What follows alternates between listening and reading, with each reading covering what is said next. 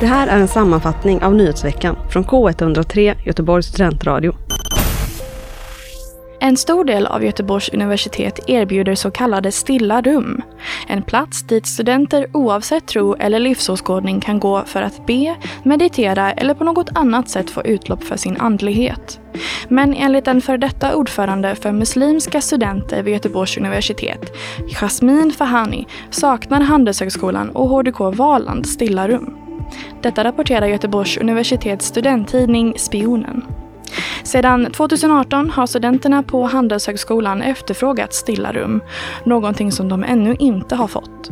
Maria Norrström, som är kommunikationsansvarig på Handelshögskolan, säger i en intervju med Spionen att det råder lokalbrist på skolan och att det därför inte kommer gå att erbjuda några stilla rum den här terminen. Hon menar också att frågan efter andra sorters studentlokaler och utrymmen har prioriterats mer från studentkårens håll. Vidare säger Maria Norrström att hon hoppas att den nya delen av Handelshögskolan som ska byggas kommer att tillhandahålla fler lokaler och att det därmed ska finnas tillgång till stilla rum på campus i framtiden. Förhandlingarna kring hyreshöjningarna runt omkring i Göteborg har pågått sedan 1 mars med Hyresgästföreningen. Men nu är beslutet spikat.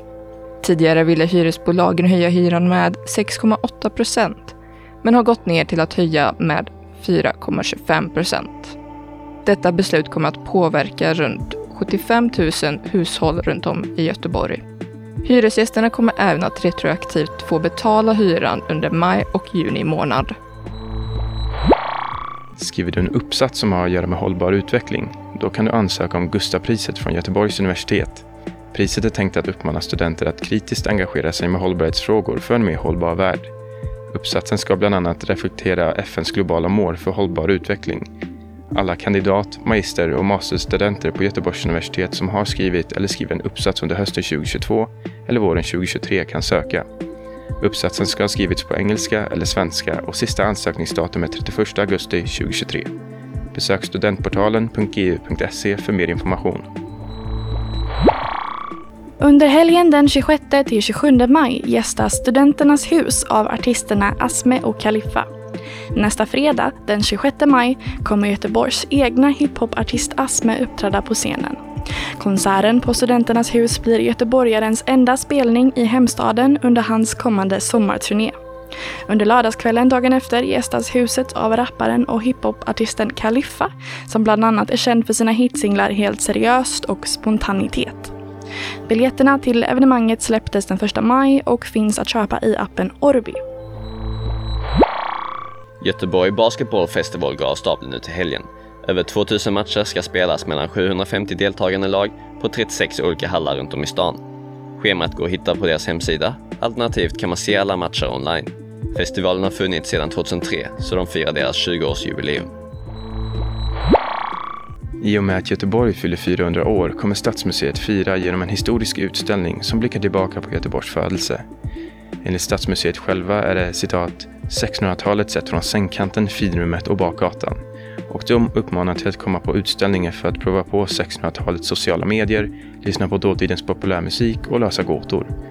Utställningen kommer visa hundratals föremål ur Stadsmuseets samling såväl som arkeologiska fynd som ska ge en inblick i vardagslivet på 1600-talet och låta oss lära känna de första göteborgarna. Utställningen är permanent från den 16 maj och gäller tills vidare på Göteborgs stadsmuseum. Under fredagen den 12 maj installerades 49 nya professorer vid Göteborgs universitet. Detta enligt en artikel på universitetets egna hemsida. I artikeln beskriver rektor Eva Wiberg professorinstallationen som en kortfilmsfestival. Under tillställningen presenterades varje ny professor med en kortare film. Utöver rektorn Eva Wiberg befann sig även vice ordförande för Göteborgs universitets studentkår, Emil Berglind, på plats för att tacka professorerna. Under den ceremoniella installationen bjöds det på både harpa, flöjt, piano och högtidlig sång. Det är ni professorer och inspirerande lärare som gör vårt universitet till det mångfacetterade, nyfikna, roliga och ständigt nyskapande lärosäte det är, sa Eva Wiberg i sitt hälsningstal till professorerna. Institutionen för historiska studier på Göteborgs universitet skriver om ett nytt arkeologiskt fynd. Sju stycken yxor från Skåne, varav de tidigaste från 4100 år innan Kristus födelse, har analyserats i en ny studie.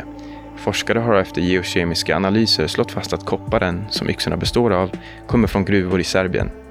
Detta innebär att det redan under stenåldern rörde sig människor över större avstånd än vad man tidigare trott. Sofia Anastoskale, som är metallanalytiker och forskare knuten till Göteborgs universitet, är en av författarna i det internationella teamet och säger citat Ytterligare studier av kopparföremål kan öka vår förståelse för hur metallvaror producerades och distribuerades på kontinenten i det förflutna. Slutcitat. Tipsa oss om nyheter på info k103.se.